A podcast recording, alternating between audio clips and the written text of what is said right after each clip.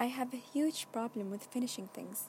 I simply struggle to finish them, whether it's finishing a show, a puzzle, or even my homework. Living like this for years now, it feels like I became a good for nothing sloth. The, fe- the feeling of satisfaction that comes with having tasks ticked off of your to do list became more of an idea than a real thing.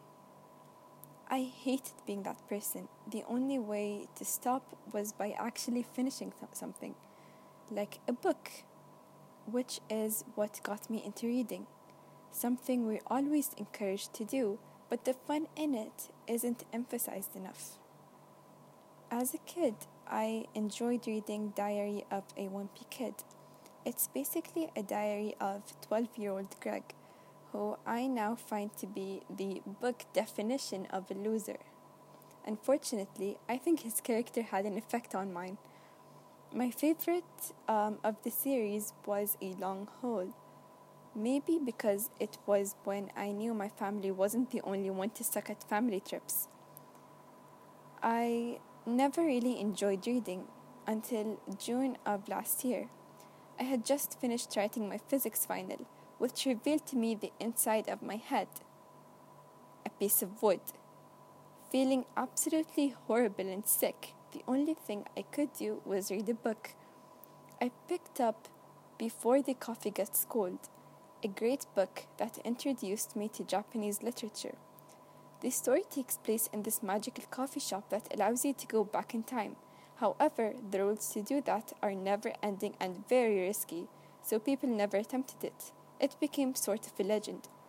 It's a very emotional story that deals with themes like memory loss, relationships, and commitment. It's divided into four short stories, each more stirring than the other.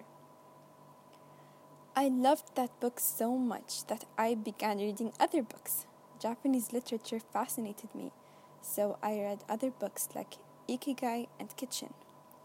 Ikigai is philosophical are you satisfied with your life? Are you happy? Will you live a long life? These are all questions answered in Ikigai that talks about living a long, fulfilling life. My favorite part of the book was when Misao Okawa, a woman who has lived over 117 years, was asked about her self care routine, and she simply said, eating sushi and sleeping. Another self help book I read was the famous Tuesdays with Morrie, which I was able to finish in only one day. It's a real story where old Morrie gives meaningful life lessons to his student, Mitch, every Tuesday. I've read a couple of short books like The Little Prince, The Metamorphosis, and The Royal Game. The longest book I read was Shadow of the Wind a twisted and thrilling novel by the Spanish author Carlos Zafón. It was rich in language and took a lot of unexpected turns, keeping me forever on edge. My current read is The Wind Up Bird by Haruki Murakami, one of the most well known authors in Japan. Murakami's style of writing is filled with descriptive language and weird characters, which makes it an exciting read.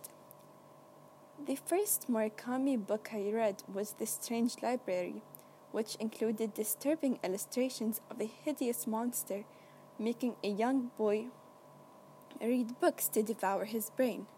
I must say, Murakami isn't everybody's cup of tea. I still have many books left to read, and almost no time at all. Very happy to have acquired this hobby.